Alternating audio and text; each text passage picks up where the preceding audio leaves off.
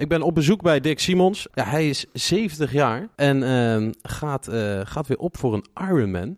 Dat betekent in totaal, kan je het even opnoemen? Het is eh 3,8 kilometer zwemmen.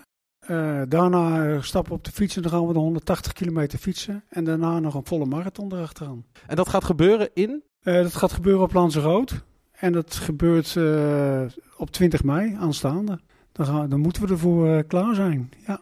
Ja, want het, wordt nu uitgezonden en dat is eh, waarschijnlijk eh, 22 eh, mei. Dus we horen na de uitzending ook, of eh, ja, tijdens de uitzending ook, of, eh, of het allemaal gelukt is en wat de eindtijd eh, is, eh, is geworden.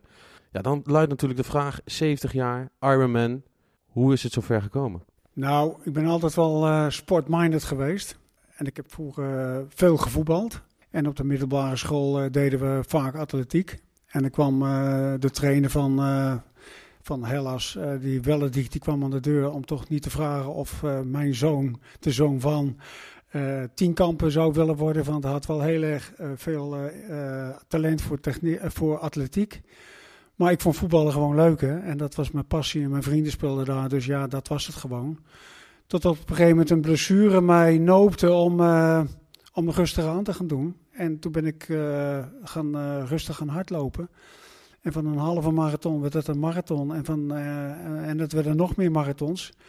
Maar mijn onwillige knie die, eh, liet er toch niet toe om de tijd onder de drie uur te lopen.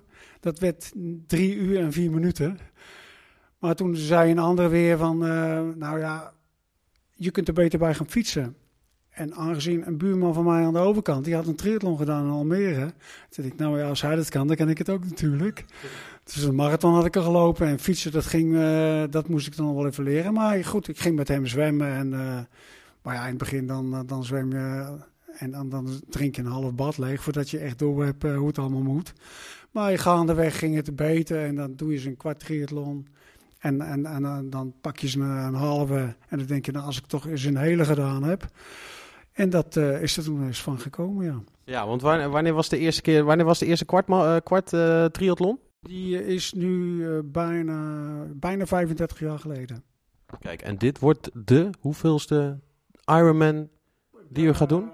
De hele, ongeveer heb ik er nu bijna 30 gedaan, hele. En halve een stuk of 50. Ja, en dan nog de nodige kwartjes en sprint triathlons of drie kwart triathlons en marathons ertussendoor. eh. Ik, ik hoor het al, het is een rout- een routineklusje. Dit wordt, eh, dit wordt een eitje. Dat dan weer niet, hè? Want eh, naarmate je wat ouder wordt, neemt het ook wel af. En dat merk ik ook wel. Ja, kijk, in het begin dan denk je als ik het maar haal. En later denk je als ik mijn tijd toch eens verbeter. En als ik die wedstrijd eens kan doen, of die wedstrijd als ik kan kwalificeren voor de bakermat Hawaii, dan, dan, dan heb ik mijn doel bereikt. Maar nu heb ik zoiets van, hoe lang hou ik het toch vol? En, en gezien toen ik meedeed in eh, Hawaii, had ik me gekwalificeerd, ook op Lanzarote. En ehm, toen kom ik naast iemand te zitten en eh, ik vraag aan die man van, eh, oh, heb je zoon ook meegedaan? Toen zegt hij, nee, ik zelf. Ik zeg, oh, hoe oud bent u dan? Toen zegt hij 73. Toen denk ik, oh, 73. Dus daar heb ik toch een, eh, een aardig aantal jaren over de boeg. Maar goed, nu weet ik aardig eh, zelf tegenaan. Dus eh, het begint aardig op te schieten, die leeftijd. Maar goed, ik heb ook een wedstrijd in Australië gedaan. En er sprong een Japaner van eh 83 op het podium. Dus, dan, dus mocht ik dat ooit nog eens halen dan. Ik, ik hoor het al, u, u gaat nog heel lang door. Nou, go- goed, volgende week eh, zaterdag is het, is het dan zover. Hoe is de voorbereiding verlopen? Hoe bereid je je voor? En wat, ga je nog doen de komende anderhalve week? Nou, het, het is zo. De bedoeling was eigenlijk dat ik nog eens een keer naar Hawaii wilde. En, eh, en toen had ik tegen de jongens gezegd van ik eh, ga ervoor trainen. Ik schrijf me in. Waren het niet dat ze de wedstrijd op Hawaii gesplitst hebben in mannen en vrouwen. En dat wil zeggen dat ze dit jaar de mannen op Ha- of de vrouwen op Hawaii laten doen en de mannen dit jaar in Nice. Dus mocht ik me kwalificeren, dan wordt de WK voor mannen in Nice gehouden en niet op Hawaii. Dus, maar ja, goed, ik had me ingeschreven. En ik had me ook al ingeschreven voor de halve van, eh van Lanzarote. Die heb ik inmiddels gedaan. En daar werd ik eh eerst in mijn age group. En eh, als voorbereiding. En daarna eh, nog flink eh, wat kilometers gemaakt. Flink doorgetraind, gefietst, gelopen. En, eh, Ja, en de laatste zware trainingsdag was verleden week zaterdag. En toen heb ik nog vijf uur gefietst en, en 20 kilometer uitgelopen. Zo'n 150 gefietst ongeveer. En nu trainen we wel iedere dag nog wel wat. Maar het, het neemt u wat af om, om je lichaam tot rust te brengen. Totdat je fit bent als je, als je daar bent. En de trainingen daar, ja, het, het is acclimatiseren. Het is daar nu 30 graden, er staat veel wind. En de bedoeling is wel uh, nog twee keer in de zee te gaan zwemmen, twee keer te gaan fietsen. En uh, een keertje uh, daarna te gaan lopen. En daarna en dan genieten ja. van de wedstrijd zelf. Ja. En, en wat is dan tijdens, voor, voor mensen die nooit een Ironman hebben gelopen, wat is tijdens een Ironman nou zo mooi om te doen? Nou, sowieso, is iedere individuele sport uh, brengt je dichter bij jezelf. Kijk, als je in, een teamsport speelt, dan kun je altijd toch eens een beetje verschuilen achter een ander want, uh, en wijzen aan een ander. Maar hier doe je het helemaal zelf. Er is ook niemand die tegen jou zegt, jij moet het doen. Je doet het gewoon zelf. En, en je komt jezelf ook tegen. En, en het is ook een, een uh, ja, het grote verschil is het karakter en de wil. Daar zit het hem in, want het, is ook, uh, ja, het is 50, 60 procent training, maar de rest is gewoon metaal. Je, je komt jezelf wel een paar keer uh, echt tegen. Ja, dat, dat is duidelijk. Nou, te, tegenwoordig uh, word je ook echt heel erg geholpen met allemaal nieuwe materialen en horloges, et cetera. Hoe, hoe zet je die apparatuur in om zo goed mogelijk en zo, ja, zo je, je rit als het ware zo goed mogelijk in te delen? Nou, allereerst, ik heb een, een vriend, die sportfysioloog. En die, die ken ik al ruim 30 jaar. Dat is uh, Koen van, van, van Topvorm. En, en Koen die maakt schema's voor mij en die zegt vandaag dit trainen en morgen dat. En die, die, zorgt en die kijkt naar de resultaten van mijn trainingen. Die kijkt naar de waardes van mijn horloge en die zegt je traint te hard, je traint te langzaam en je moet wat meer van dit en wat meer van dat. En die geeft dan ook feedback van uh, hoe, ik het, hoe, ik me het beste kan voorbereiden op, op dit, deze wedstrijd. Want zoals laatst, dan doe je in maart doe je de halve. Dan heb je ook weer de rust nodig om een beetje herstellen van zo'n wedstrijd. En daarna moet je toch wel weer door. En moet je toch wel weer volle bak kunnen trainen.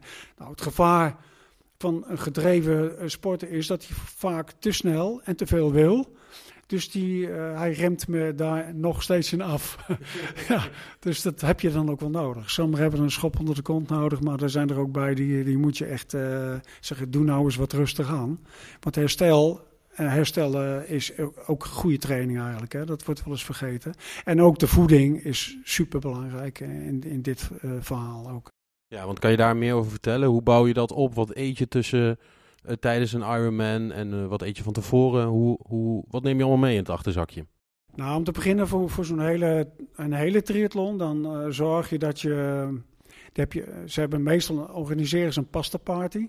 En die pasta party is altijd twee dagen voor de wedstrijd zelf. En dat wil zeggen dat je dan een carbo-loading doet. Dat je koolhydraten probeert binnen te halen. Maar ja, ieder weldenkend mens weet wel dat als je tussen de 12 en, en, en 15 uur bezig bent met sporten, dat je nooit dat allemaal in één keer op kan eten.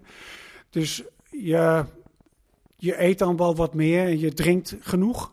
En dan de dag voor de wedstrijd dan wordt er meestal uh, pasta gegeten met, uh, met een sausje, maar geen vlees en ook weinig groente. Om te zorgen dat je, te weinig, dat je geen vezels binnenkrijgt. Want dat kan alleen maar je darmen gaan dan veel te veel werken. En tijdens de wedstrijd zelf, ja, dan neem je s'morgens neem je wat wit brood met, met jam. En, en vlak voor de zwemstart neem ik een gel neem ik in. En dan moet dat voldoende zijn om, om, om het zwemmen te volbrengen. En dat lukt ook meestal wel. En als ik het water uitkom, dan heb ik meestal wel een bidon water klaar liggen. En neem ik weer, eh, dan neem ik wel water, maar voor de rest nog niks. Pas op de fiets, als ik weer op de fiets zit, dan begin ik pas met vloeibare voeding. Alles is vloeibaar. Gel, voeding, noem maar op.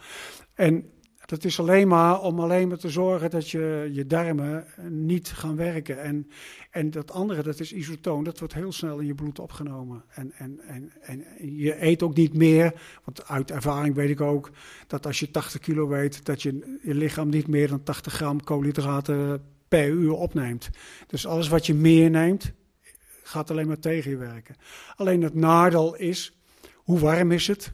En, en wat, wat is de inspanning die je levert en hoeveel vocht moet ik tot me nemen? En daar heb ik ook wel weer een systeem voor dat ik wel aanvoel, ook door de ervaring, uh, wanneer ik, wat ik moet drinken, hoeveel koolhydraten ik tot me moet nemen.